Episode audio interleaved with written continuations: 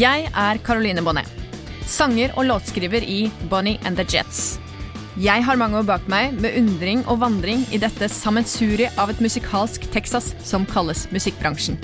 Det er mange historier, mange skjulte fakta og ikke minst mange spennende folk som skjuler seg bak denne bransjen fylt av eksentrikere, nevrotikere og alle slags snodige outcasts.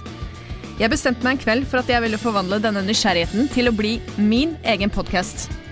Jeg kommer til å invitere forskjellige gjester fra bransjen som forhåpentligvis vil fortelle meg noe nytt som muligens verken jeg eller du visste fra før. Hver episode vil kunne belyse kjente og kanskje ikke fullt så kjente sider av nettopp musikkbransjen. Dette er hashtag bransjen.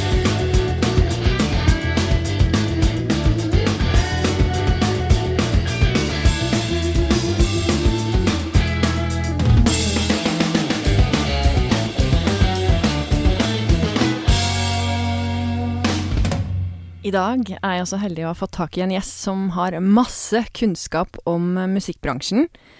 Jørn Dahlshow, mm. velkommen hit. Hei, takk. Du er grafisk designer, norsk plate- og musikkforlagsdirektør, og ikke minst forfatter. Mm. For han har nemlig gitt ut boka 'Hjelp, jeg er i popbransjen', som kanskje mange av dere har lest, og som jeg absolutt må få lest veldig snart. Um, Jørn, du har vært ansatt i Polygram og Universal Music Norway. I 2000 så starta du opp ditt eget plateselskap, uh, Daworks. Du driver også A&R Guru, Guru artistutvikling, i eh, tillegg til at du foreleser i mange sammenhenger om musikkbransjen.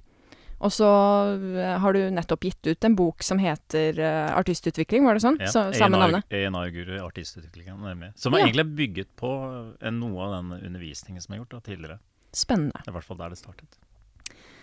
Du har altså veldig, veldig mye kjøtt på beinet, for å si det sånn, i uh, popbransjen, som du kaller den. Mm. Hva er det som gjorde at du havna i musikkbransjen, Jørn?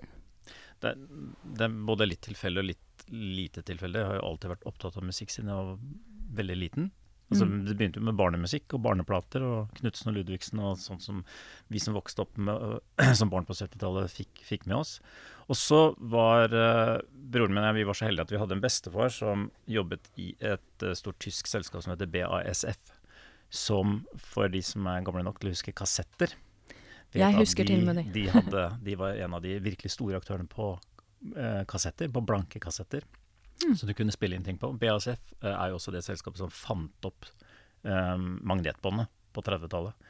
Så det, det begynte egentlig der. Men de puttet dette inn i kassettformatet, og på 70-tallet vokste det veldig i Norge, og utover på 80-tallet. Og det betyr at vi fikk jo kassevis med blanke kassetter hele tiden, så vi kunne lage våre egne radioprogram og spille inn musikk fra radio. Og så det ble liksom en inngang til musikken. da. Og vinylplater og sånt. Og så begynte nærradio, broren min og jeg, da vi var med å starte Radio 1 tidlig på 80-tallet. Og da var det musikk som var uh, viktig, og, og var i, i, opptatt og interessert i det. Og så havnet jeg i et, eh, som veldig mange gjør på, på ungdomsskolen, et valget mellom hva slags videregående skole du skulle gå på. Mhm.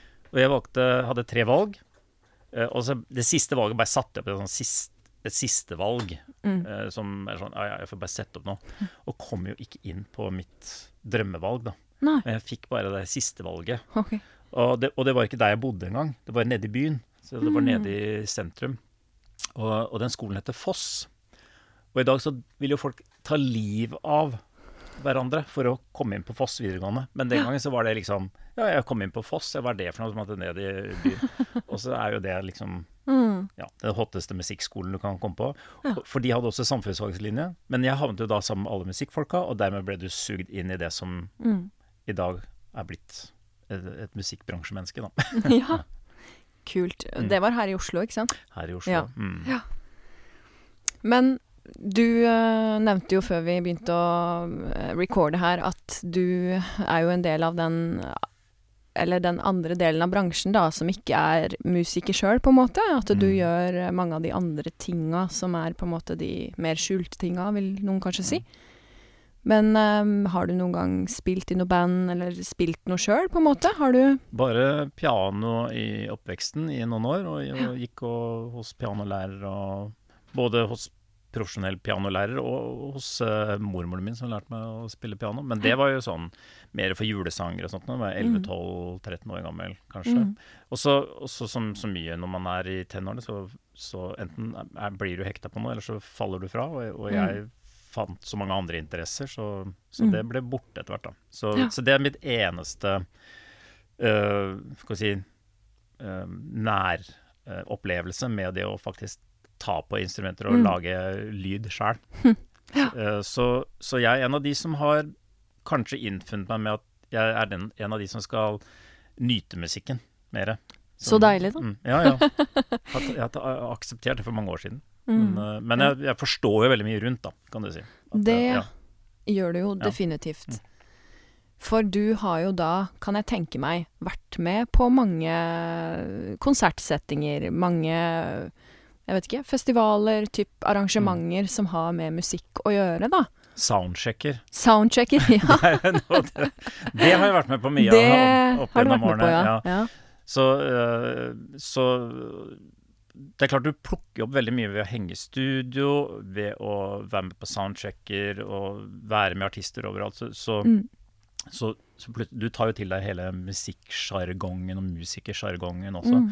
på godt og vondt. Så, så, og det er hjelper jo, kan du si, når du skal Mm. kommunisere med musikere og artister da, gjennom, opp gjennom årene. Så, Mm. så du ut, utvikler på en måte et la- form for språk, da. Hva tenker du forresten når jeg sier hashtag bransjen?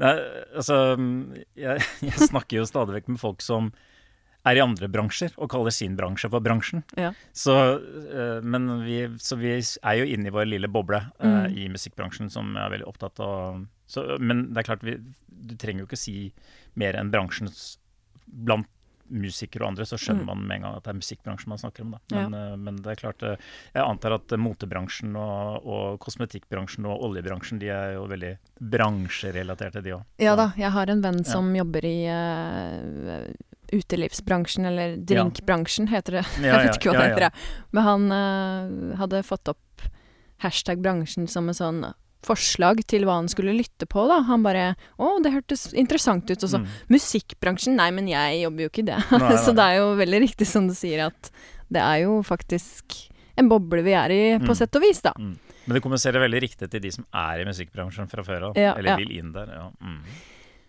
Har du noe historie du kan fortelle her i podkasten som du aldri glemmer og tenker bare Det er en typisk hashtag bransjen-historie? Fra veien eller et eller annet? Snacks? Nei, det, du kan si at egentlig alle de der historiene som mm, man gjerne skulle snakket oftere om og delt oftere, de egner seg kanskje ikke i offentligheten. Å oh, jo da. Nei, altså, og jeg må jo si at i hvert fall den delen av bransjen jeg har vært med, har jeg opplevd uh, selvsagt veldig mye, men det er veldig mye snille ting. Det er mye som uh, Altså, jeg, jeg ble jo faktisk litt overrasket selv eh, da hele denne metoo-bevegelsen kom, at, at egentlig musikkbransjen ikke har blitt trukket frem som en verre. Altså, det er jo tydeligvis bokbransjer og, og filmbransjer og alle mulige andre bransjer. Men hvorfor, altså Musikkbransjen som nærmest lever på sex, drugs and rock'n'roll, mytologien, at ikke det har blitt mye mer historier rundt det. Og, Ja. Også i Norge, for, men eh, jeg vet ikke. folk- Du sier noe der. jeg har ingen sånne historier da å komme med. Men, øhm, men jeg, jeg kan jo fortelle om noe som aldri ble noe av.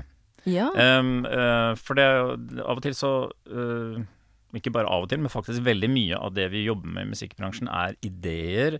Og man kanskje går ganske langt med ideer i å bruke både tid og penger på ideer som aldri realiserer seg.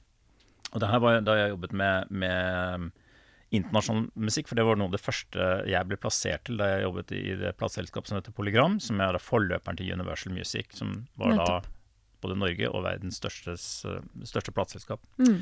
Uh, og er det fortsatt. Um, og det um, det jeg gjorde da, var å være ansvarlig for en label som heter Polydor. og Det, det var en jobb jeg fikk da jeg var 19 år gammel. Og da var det, gikk det Altså, en av de første prosjektene jeg fikk jobbe med da, det var en um, både et TV-program og en plateutgivelse med uh, det som i dag regnes som en av de virkelig store legendene innenfor elektronisk musikk, Jean-Michel Jarre, en mm. franskmann, uh, som da hadde en konsert i Houston i USA, hvor han lyssatte nærmest hele byen med laser og alt mulig rart, og hadde en stor utendørskonsert som var helt spektakulær, og som var en slags sånn Uh, banebrytende type konsert med elektronisk musikk uh, mm. den gangen, og som har på en måte satt en slags sånn standard for hvordan ting skal gjøres i mange år etterpå. I dag så ser vi Hvilket år snakker vi da? Unnskyld, da er vi 1986-87, tenker jeg, at okay. den konserten var. Og så kom det et par år senere ut som mm. plate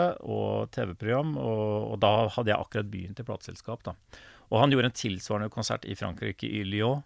Uh, hvor han så lyste opp hele byen, og det var uh, altså, veldig dyrt, og, og, men spektakulært. Og utendørs konsert, da. Uh, og så, sakte, men sikkert, så begynte dette her å, å vokse i Norge, den, den, plata, og interessen for den.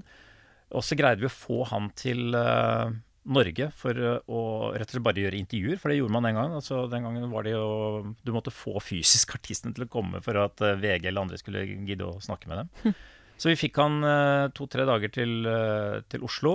Og det var kjempehyggelig. Veldig sympatisk uh, fyr, og han gjorde intervjuer, og vi fikk veldig mye ut av det, og solgte enda mer plater, naturlig nok. Og da på vei tilbake til flyplassen så ble jeg med han ut på Fornebu flyplass, som det het den gangen. Det var en restaurant som heter Caravelle, som var liksom det flotteste du kunne gjøre på Fornebu flyplass. Og der satt vi i sikkert i tre timer, i hvert fall, fordi flyet hans var forsinket. Og så begynte da ideen å komme og gjøre en sånn, lage et sånt konsertkonsept i Norge. Et spektakulært konsertkonsept med noe av den mest kjente musikken hans. Eh, for de som kjenner til Jean-Michel Chai, så har han en, en, legendarisk plate fra 1976 som heter Oxygen, de, eh, som da var noe av det han kunne fremføre. Og han kom da på ideen på denne restauranten om å, og begynte å tegne på servietter konserter og sånt noe, og gjøre en sånn type konsert på Nordkapp. Mm. Og hvordan i verden skulle man gjøre dette på Nordkapp? Jo, da skulle vi altså hyre inn flere cruiseskip som skulle frakte folk, altså publikum, rett og slett opp dit. Og de, de cruiseskipene wow. skulle fungere da som, som hotell. For, for altså, Nordkapp-platået har jo ikke noen sånn veldig stor hotellkapasitet. Sant. Så det var jo da å få dette opp der, og få dette da sponset av norske staten. og det, altså disse, altså Jeg skjønte at han hadde satt opp sånne store konserter, for dette vokste helt ut av proporsjoner. Og så, og så ble vi jo da enige om at uh, han skulle se videre på dette når han kom tilbake til Paris, og, men det ble aldri noe mer av. så det bare ja. og, da tenkte jeg at han hadde nok uh, uh, For jeg har sett da i senere år at han har gjort sånne type konserter i en rekke forskjellige andre steder. Mm. så han har jo vært i alt fra Kina Han har gjort mange spektakulære steder. Gjort sånne eh, konserter. Men, eh, så det, det, kunne blitt Norge, men mm. Eh, det må finansieres. men hva tror du var greia, grunnen til at det ikke blei noe, da? Jeg, jeg, jeg, tenker at uh, de stedene han har hatt disse konsertene, så er det nok lettere å gjøre logistikken. For det, ja. det, er i byer eller i byområder hvor det er uh, i hvert fall finnes noen form for veier og, mm. og, lett å få ting til og fra. Men det er klart at Nordkapp-platået uh, da rundt 1990, det var ikke altså Selv i dag så er det sikkert vanskelig å gjennomføre noe sånt for å få økonomien. For du skal jo mm. selge billetter, da. Mm. Ja, det hørtes jo litt sånn skuffende ut og bare Å nei, nei det ble ikke noe, det. Men det hadde vært fantastisk spektakulært da, å gjøre det, og da gjort det som en TV TV-konsert og Ja. ja. Mm. Det hørtes helt unikt ut. Mm. Hm. Hva er det du tror eh, folk misforstår mest med musikkbransjen? Ja, de, vi, som jeg sa i stad, så lever jo musikkbransjen veldig på denne sex, drugs and rock'n'roll-myten. Og den lever jo fortsatt veldig den dag i dag, og blir forsterket ikke sant, når vi går og ser sånne filmer som Bohemian Rhapsody og, mm. og denne uh, Rocketman-filmen med Elton John. Det, det bare videresetter tjukke røde streker under hele den myten. Um, mens musikkbransjen er jo egentlig veldig velregulert og uh, den er egentlig litt kjedelig. og det er eh, Altså, tenk på, tenk på dette med rettigheter det er jo noe som går helt tilbake til slutten av 1800-tallet. Altså det at folk har rettigheter i musikk de skaper, og at det blir regulert. Og at du kan registrere deg i, i Norge f.eks. i noe som heter Tono. Og i um, og Tono samler inn penger for deg når det, når det brukes. Og det har jo holdt på siden slutten av 1920-tallet i Norge. Det er mange som tenker at alt er litt sånn uh, jalla i musikkbransjen, men så er det egentlig veldig rammer på det, og, og det er et system. Ja. Så, um, men så, mm. så, det, så det at det er en um, Ja, sikkert, tenker jeg nå. det, det, er en, det er en skikkelig revisorbransje vi jobber i. Det er, det er alt det rundt selvsagt som, som gjør at det er, er spennende, men, men, uh, men, det er mange som tenker at ja, musikkbransjen, er det penger i det, liksom? Ja, det er jo en, selvsagt en, en bransje som veldig mange andre, som det er, det er en stor industri. Uh, Men klart sammenlignet med oljebransjen, så er det jo veldig, veldig lite. Ja. Også i, i verdens, verdenssammenheng. Men, det er, men det er definitivt mange som kan leve av musikkbransjen, og det er, uh, og, og det er en voksende bransje i, i Norge også. Det er mange, mange flere spesialområder hvor folk har satt seg inn i, i uh, å jobbe med mange detaljer som man ikke gjorde for 10 og 20 år siden. Nye ting som har dukket opp, da. Men det er vel mer penger i oljebransjen enn musikkbransjen? Definitivt. Ja, fordi jeg bare tenker på Sånn snakker av erfaring sjøl, at eh, ja, for musikere og artister som da på en måte ja, tjener veldig lite penger på hva skal jeg si streaming og ikke har så veldig kjent navn og Mm. sånne ting, og ja Da er det jo på en måte veldig sånn kontrast da til oljebransjen, hvor de som på en måte jobber på gulvet, da, Mm. faktisk tjener gode penger også. Ja. Eh, mens de som jobber på gulvet, da, for å si det sånn, i musikkbransjen, er jo ofte kanskje folk som ikke har så voldsomt mye å rutte med, da, Mm. er inntrykket mitt. Nei, og det eh, kommer, det kommer selvsagt an på hva, hva man gjør på gulvet, da. ja, ja. Eh, så, men, men det er klart at eh, skaper du musikk, eh, så eh, er du avhengig av at musikken din blir brukt, og at den, blir nådd, at den når ut til folk. Mm. Og der er det jo selvsagt veldig mye eh, som ikke når til overflaten. Mm, mm. Av, av mange forskjellige årsaker. Det trenger Mm. ikke være at det er dårlig musikk, det er bare at det, det kan være ting som hindrer en med å nå gjennom, og Mm. da tjener du heller ikke noe penger. Nei. Og det er, det er eh, problemet. Så du vil jo alltid ha den der toppen av isfjellet som, Mm. som kan leve av det. Og så vil jo alle Mm. de som prøver å komme opp dit, også som ikke, ikke får Mm. det til. da. Mm. Og det, mm, det er liksom det brutale i musikkbransjen, men selvsagt også i andre kreative bransjer. Samme, Ja, Du ser det samme innenfor film og bok og, Ja, og andre uh, dans. Uh, altså Mm. det, Mm. ja, skuespillere, Ja. altså, alle de tingene der. Det, ja, entertaining Ja. business, for å si Men det hvis sånn. vi sammenligner med olje, da, så musikk er her om 100 år også. Det er Mm. ikke nødvendigvis olje. Godt poeng. Hva er det som inspirerte deg til å skrive boka 'Hjelp, jeg er i popbransjen'? Ja, det var jo at jeg satt i eh, plateselskapet Polygram, og hadde da etter hvert fått ansvaret eh, ENR-ansvar, altså artist- og repertoaransvar, hvor jeg skulle da jobbe med å finne artister og signere dem, utvikle dem, eh, selge plater med dem. Det var fysiske plater vi jobbet med. Mm. Og eh, naturlig nok så både jobbet jeg da med profesjonelle, semiprofesjonelle og amatører, ting, folk som skulle bli profesjonelle etter hvert, og alle de som etter hvert også jeg dessverre måtte si nei til, som Mm. kom med demo, sendte inn kassetter og sånt. Og vi var jo det var ikke bare jeg alene som Mm. tok det avgjørelsen, men vi var et kollegium av folk som drev med, med dette her. Og da eh, var det stadig vekk spørsmål om ting, og folk visste ikke og alt mulig rart. Og så var jeg interessert i tingene selv, så jeg begynte Mm. å notere ting. Og så tenkte jeg at dette her burde jo egentlig Jeg burde jo skrive en bok til alle de som, som jeg jobber med. Som, eh, sånn at de kan begynne å lære litt mer om sin egen situasjon, og, Mm. og bare forstå liksom basics, sånn at de i mye større grad kan uh, hjelpe seg selv. Og, Mm. Men på en måte som gjør at det ikke blir altfor teoretisk og, og Mm. skol, skolete. Ja. Det, det var litt av tanken, at det skulle være, være noe som hver mann som kunne bruke, ikke nødvendigvis lese fra perm til perm, men slå opp i når dere Mm. lurte på noe. Og så fantes det sånne bøker på engelsk, eh, men de var jo veldig sånn rettet mot amerikansk Mm. bransje. Hovedsakelig amerikanske bøker. Jeg leste en del av de og ble veldig fascinert av hvordan amerikanere er flinke til å formidle vanskelige ting ganske enkelt. ja. Så da ble det eh, Målet er å prøve å lage noe sånt. Hm. Så da begynte jeg å skrive. Og det ble da Hjelp, i pop-bransjen, som tar for seg den norske musikkbransjen. Når var den kom ut, den boka? Den kom ut første gang i 2004, og så har den kommet ut til flere utgaver og opplag etter det. Altså Ja. siste, kom i, siste varianten, utgaven, tredje utgaven, den kom i forfjor. Ja, Så den, den første boken vet jo ikke hva streaming er, sant. eh, og, mens den siste boken Mm. den vet hva streaming er. Så det har jo skjedd en utvikling fra første, de 16 årene Ja. mellom disse, den første og den siste varianten av boka. Da. Enormt, kan man jo si. Ja, så Hm. Vi satt i, på Bylarm i Tromsø for mange år siden, og, og da kom det en uh, kar som heter Gert Leonard, som hadde skrevet en bok om uh, hvordan musikkbransjen kom til å være i Mhm. fremtiden.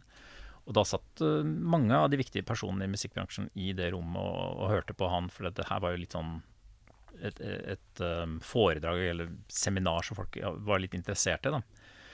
Og så eh, fortalte han at om, i fremtiden så kommer musikk til å være eh, som vann. Du bare skrur på, og så kan du tappe så mye vann du vil, eller så lite vann du vil. altså Det bestemmer du helt selv, men du betaler bare det samme hver eneste måned. for Det, det er som vannavgiften. Smart fyr, da. Ja, Han hadde egentlig rappa det fra David Bowie, som hadde sagt noe lignende til New York Times noen Ah. år tidligere. Men han bygget videre på det Bowie hadde, hadde sagt, som en sånn filosofisk eh, tanke. Så, så satte Gert Leonard mer inn i en businesskontekst og sa at dette blir faktisk sånn altså, at vi Akkurat som du betaler for Aftenposten og får det på dørmatta di hver, hver morgen, så får du det samme med, Mm. med musikk. Eh, du, det er ikke så viktig å eie musikken lenger, men bare du skal ha tilgangen til den. Mm. Og vi lo, og vi bare rista på hodet, og vi skjønte jo ikke at noen kunne mene noe sånt. Mm. Og, sånt her. og så gikk det to år, eller tre år, tror jeg, 2008, så kom Spotify, Ja. og så har The Rest Is History, som Ja. det heter. Og i dag så lever vi mer eller mindre bare av streaming. Og alt som rører seg rundt det. Hva tenkte du da, når du innså at nå kommer bransjen til å endre seg radikalt?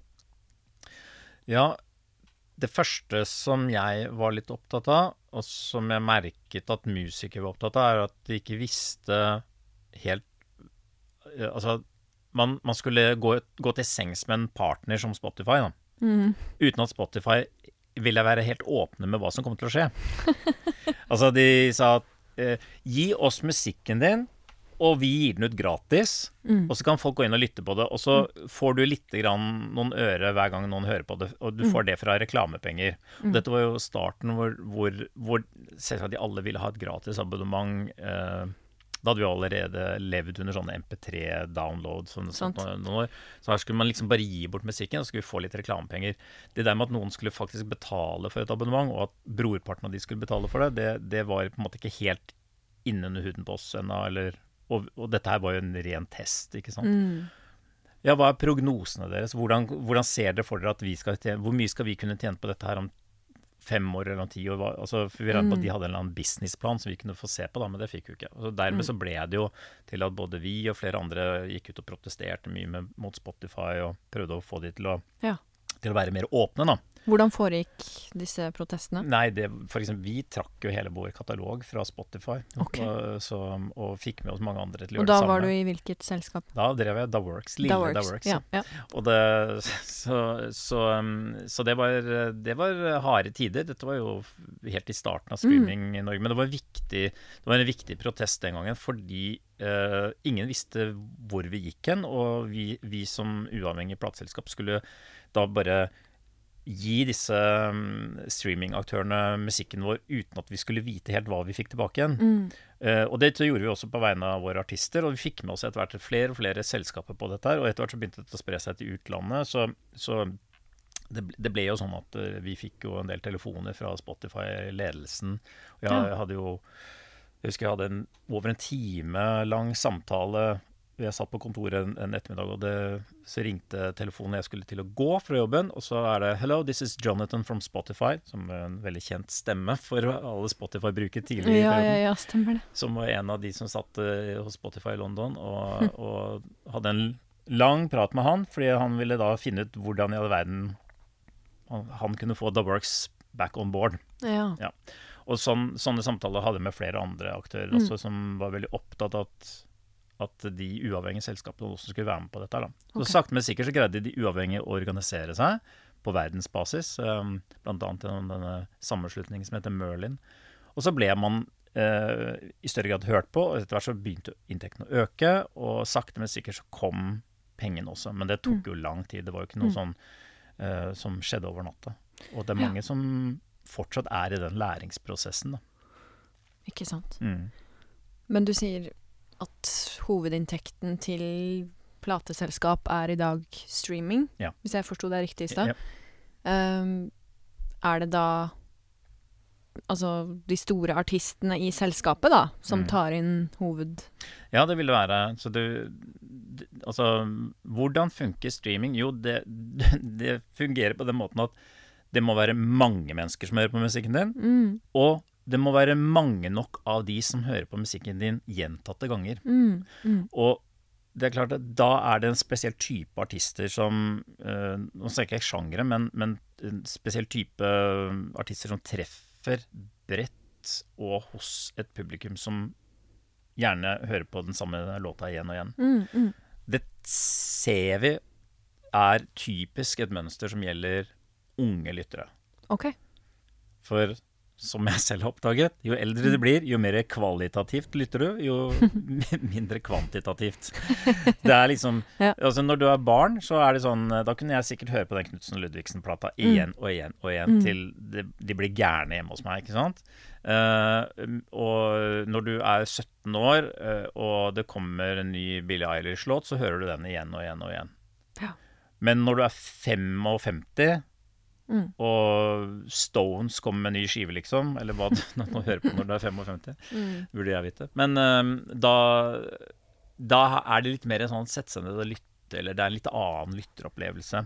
Mm. Og så er det også noe med at du, når du blir eldre, så fylles også de 24 timene av andre ting enn bare å lytte på musikk. Mm. Altså, ikke det at man bare lytter på musikk når man er ung, men man bruker faktisk mye mer tid på musikk, da. Ja. Eh, Du tror det, altså? At unge mennesker eh, Eller Ja, vi- du vet det, kanskje? Vi vet det. Det er Ja. undersøkelser som sier okay. at fra du er 28 år og eldre, så øh, oppdager du i mindre grad, eller er mindre oppsøkende til ny musikk. Ja vel.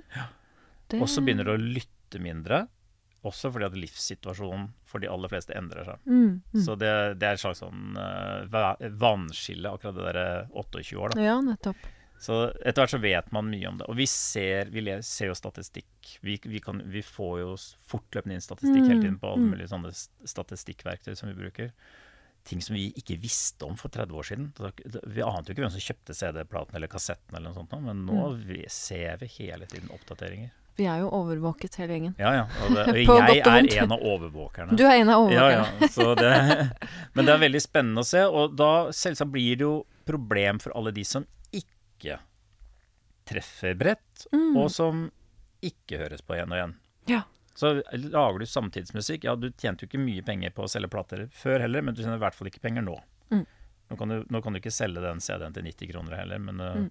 så, så det blir jo det å sette seg ned og lytte eh, på en annen måte, og, og da genererer det ikke penger i noe særlig grad. Og så har det vel kanskje også noe med å gjøre at, som du sier, de som er i en eldre lyttegruppe, Mm. lytter da kanskje mer kvalitativt, Mm. og dermed også mer fysisk format.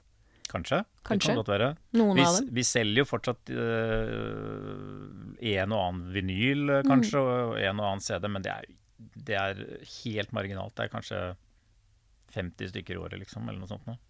Mens det er noen, noen sjangere jobber jo mye med å selge fysisk fortsatt, da, særlig vinyl. Og det er ikke sånn metal og indie-rock og en del sjangere som jazz og en del sånne som er flinke Mm. til å fortsatt jobbe med det fysiske formatet. Men det fremstår Altså det er veldig mange som kjøper noe fysisk nå, tar det med hjem, putter det i hylla, og så går de på Spotify og hører musikken der.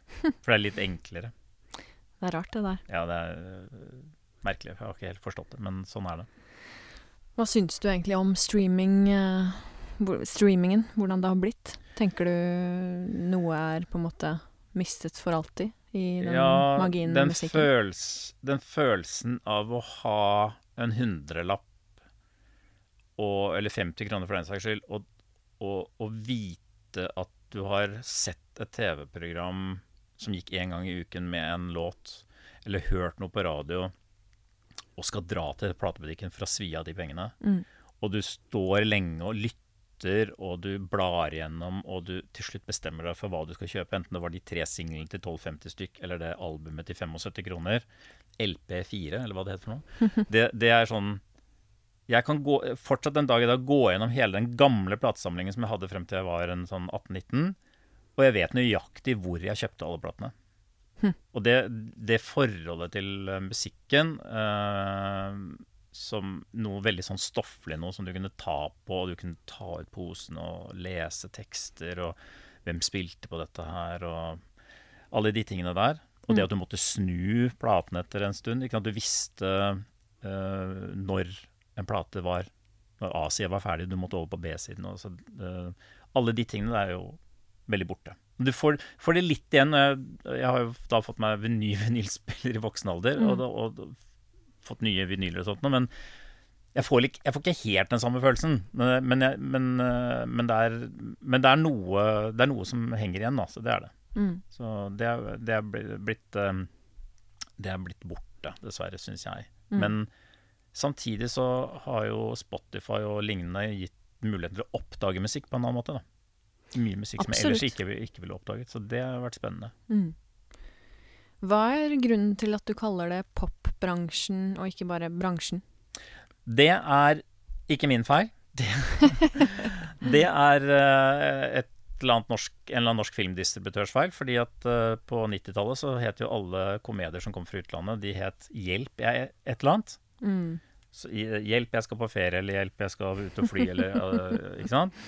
Så det ble en, en, øh, en Altså For den gang så hadde jo laget man norske titler til alle øh, amerikanske og engelske og franske filmer. Og da var det jo OK, her sitter vi og skal markedsføre en eller annen film som ikke vi vet helt hvordan vi skal markedsføre. Ja, vi kaller den Hjelp et eller annet. Så Stemmer, det var hele, mye av det. Hele 80-tallet var full av hjelpfilmer. Og, eh, og så er det en fantastisk film som jo selvsagt alle i bransjen vet Mm. kan godt. Den heter 'This Is Spinal Tap', som jo um, var en film jeg ble introdusert for også på, på en annen dårlig kassett, eh, VHS-kopi som jeg fikk en gang da jeg begynte i musikkbransjen selv. Og den da, kom da i videohyllene på videosjappene på 80-tallet, og da het den 'Hjelp, eh, vi er i popbransjen', het den. OK, ja. Fordi vi hadde ikke noe bedre måte å Ja, hadde ikke noe bedre tittel på det. Nei. Og så tror jeg de til og med hadde De hadde laget en rip- uh, rip-off av de der Hjelp, Hjelp vi flyr-filmene, som jo da egentlig var en slags forløper til dette her, hvor de hadde tatt en gitar og laget sånn krøll på gitaren på coveret. Mm. og, og akkurat som et fly hadde en krøll på seg. På, det, var full rip-off, bare for å prøve å selge noe som var noe helt annet. Uh, fordi det var mange som leide den filmen, uh, som heter 'Hjelp, vi er i popbransjen', og ikke skjønte den i det hele tatt. Ja. For den, var dette noe morsomt nå? Men det er fordi det var en mockumentary, som jo på det tidspunktet, på 80-tallet, var noe ganske nytt nå. Eller var i hvert fall ikke noe som var så innarbeidet sånn som vi har mockumentaries i dag, hvor alle kan gape le av noe som ser ut til å tilsynelatende er ekte. Sant. Og den gangen så var det, var det ganske nytt. Men for alle som jobbet i bransjen, da, så ble det de bransjefilm. Ja.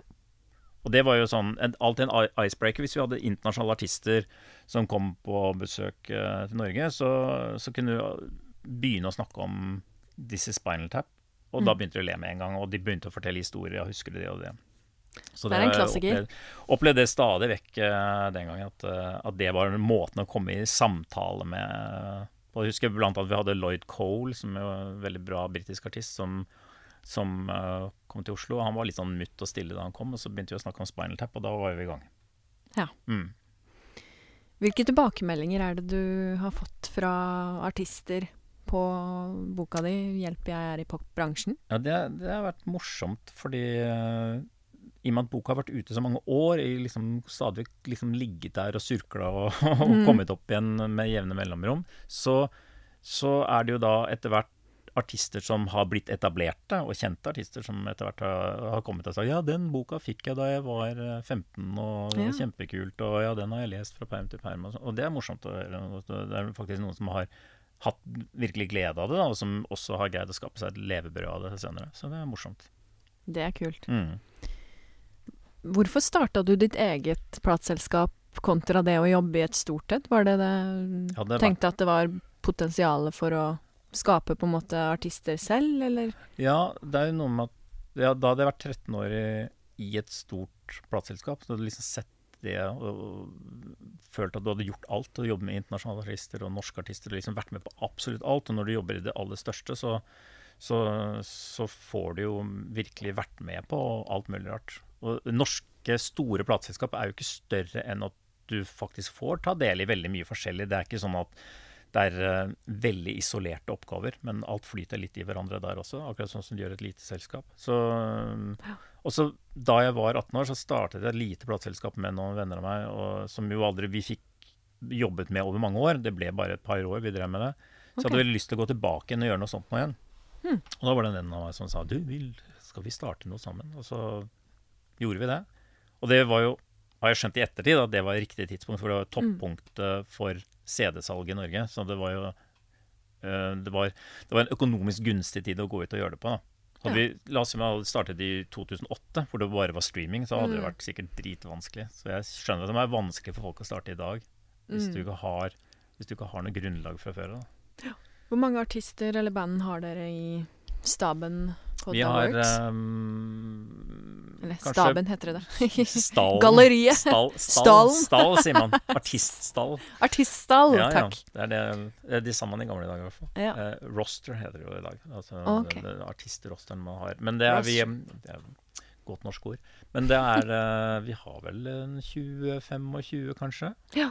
Men alle er ikke aktive eh, samtidig. Ellers hadde vi gått på veggen, tror jeg. Men, ja. men det er alltid for mye å gjøre. Hvor mange så- er dere som jobber uh, i dette her, da? to som jobber Mm. til daglig i selskapet, og så har, er det en uh, partner av meg som også jobber med noen prosjekter utenfor. Da. Så også uh, når du får uh, store topper med arbeid, så må vi leie inn litt ekstra folk og få inn litt ekstra hjelp og sånt. da. Så det varierer litt. Det er litt sånn som de store selskapene gjør også. Når det blir mye å gjøre, så trenger de ekstra hjelp i perioder. da. Nettopp. Litt sånn som i fiskeindustrien, når det er skreisesong og sånn. Ja. Ikke noe østeuropeere, da, men det, ellers er det Men når du sier eh, at når du jobbet i store Eller de store selskapene, så Mm. var oppgavene litt sånn flytende, at du fikk være med på masse forskjellige ting og sånn. Mm. Hvilken type oppgave var det, på en Ja, måte? Ja, det var alt fra å være med å pakke um, ting på lager. For Mm. den gangen så hadde vi salgskontor som skulle selge platene ut til platebutikkene. Og så hadde vi lager i kjelleren. Svært lager med masse vinyler og kassetter og, og CD-er.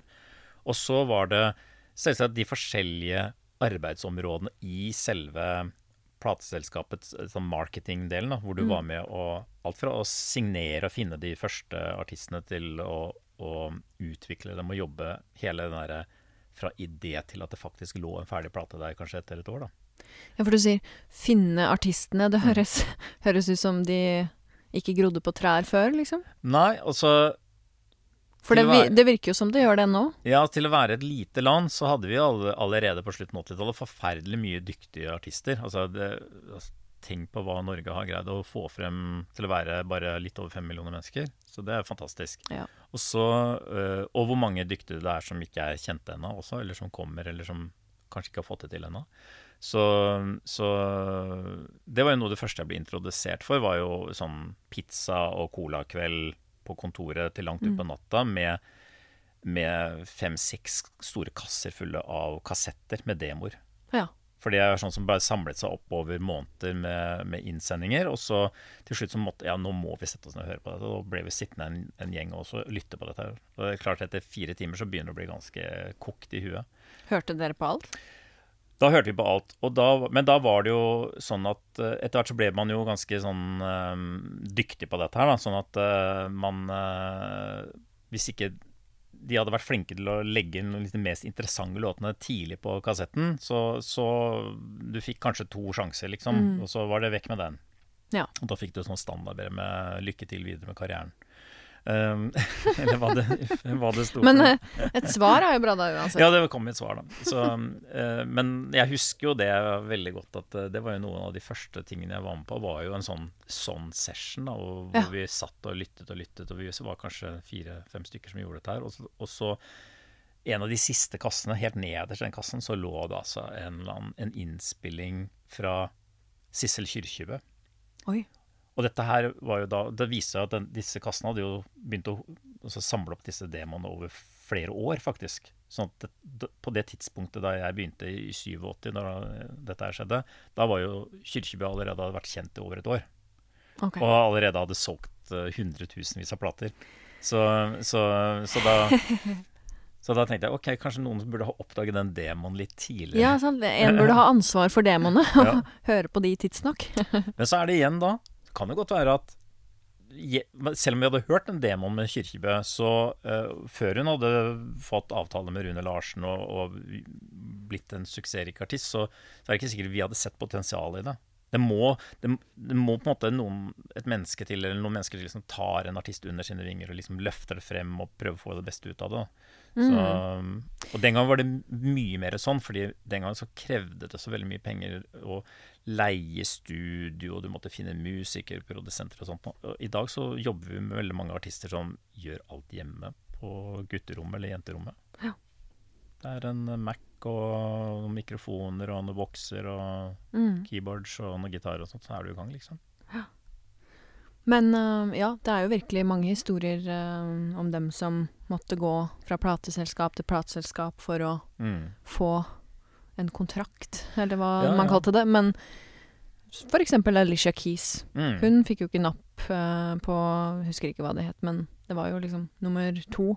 Det var ikke førstevalget hennes Nei. som signa henne, da.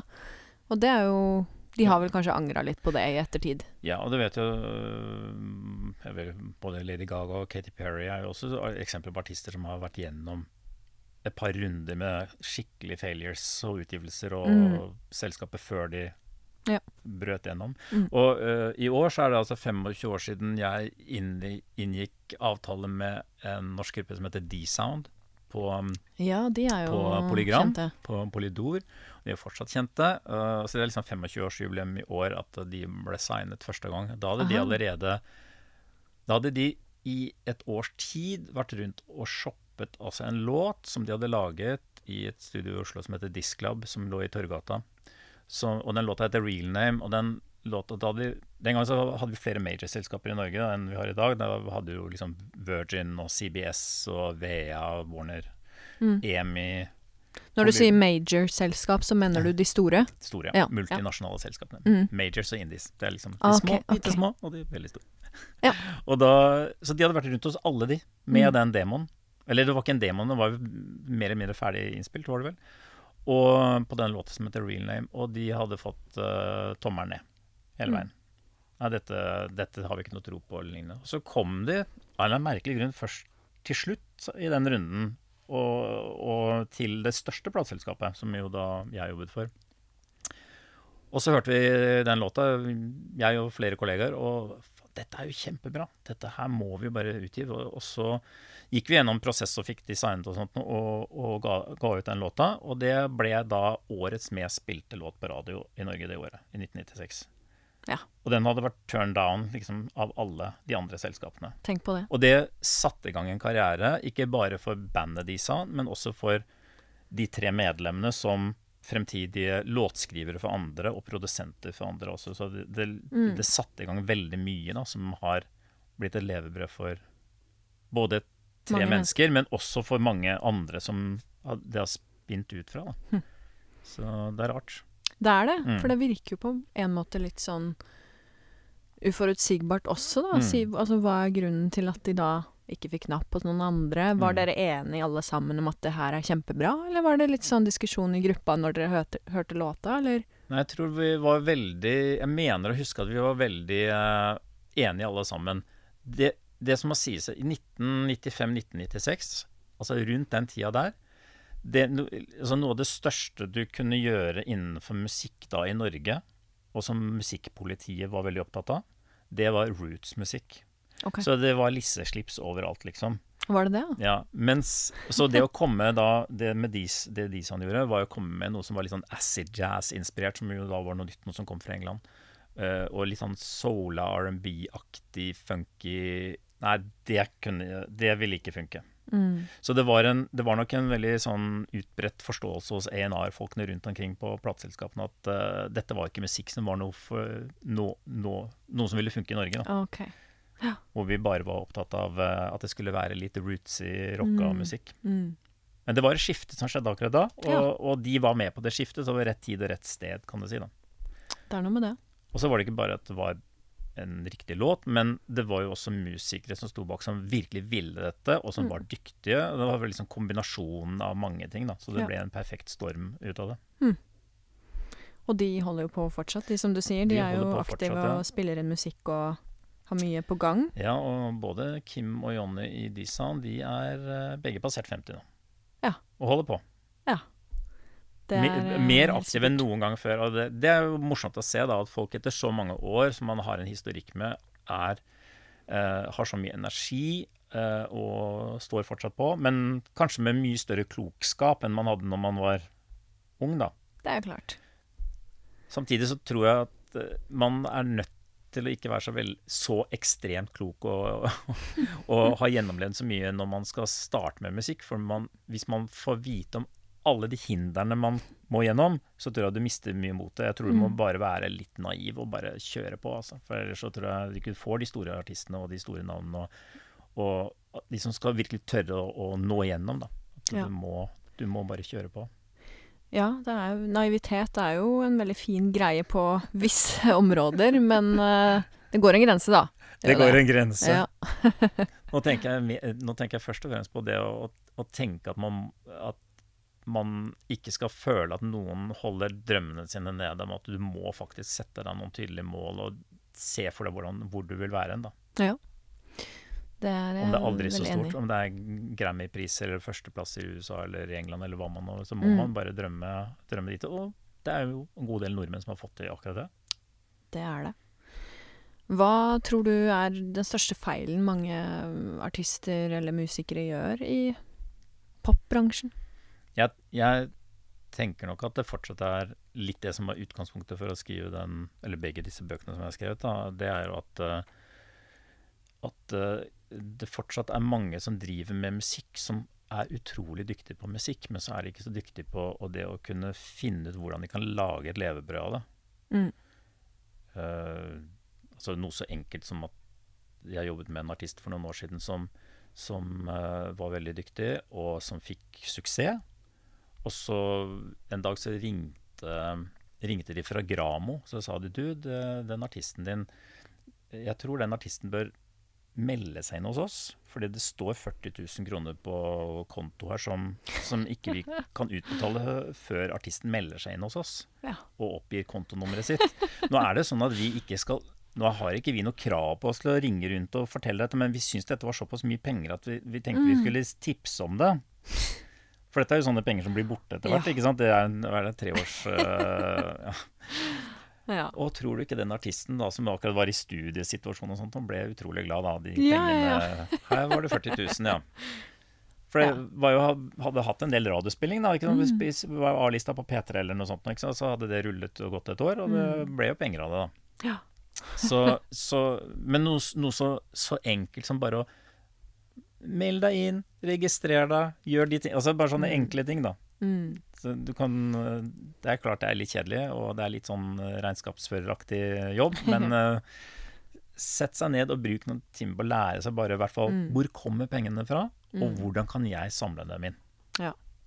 Det Forstå mekanikken i det, og da, da funker det mye bedre.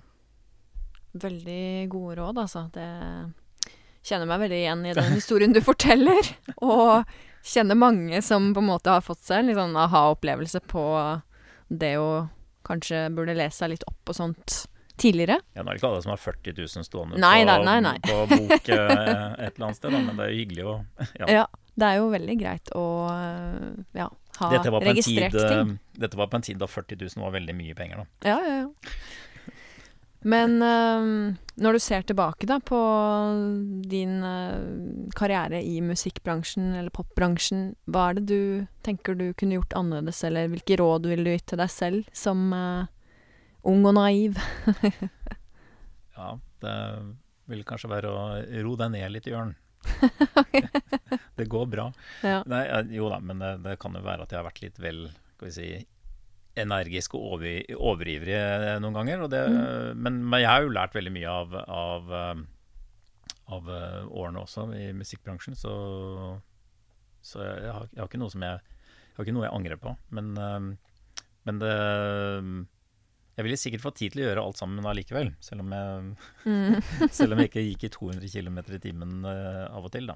Ja. Så, og så har det eh, alltid vært spennende å lære ting, så jeg kunne kanskje tenke meg at jeg hadde lært mye av det, eh, disse basics-tingene som jeg har snakket om, litt tidligere Mm.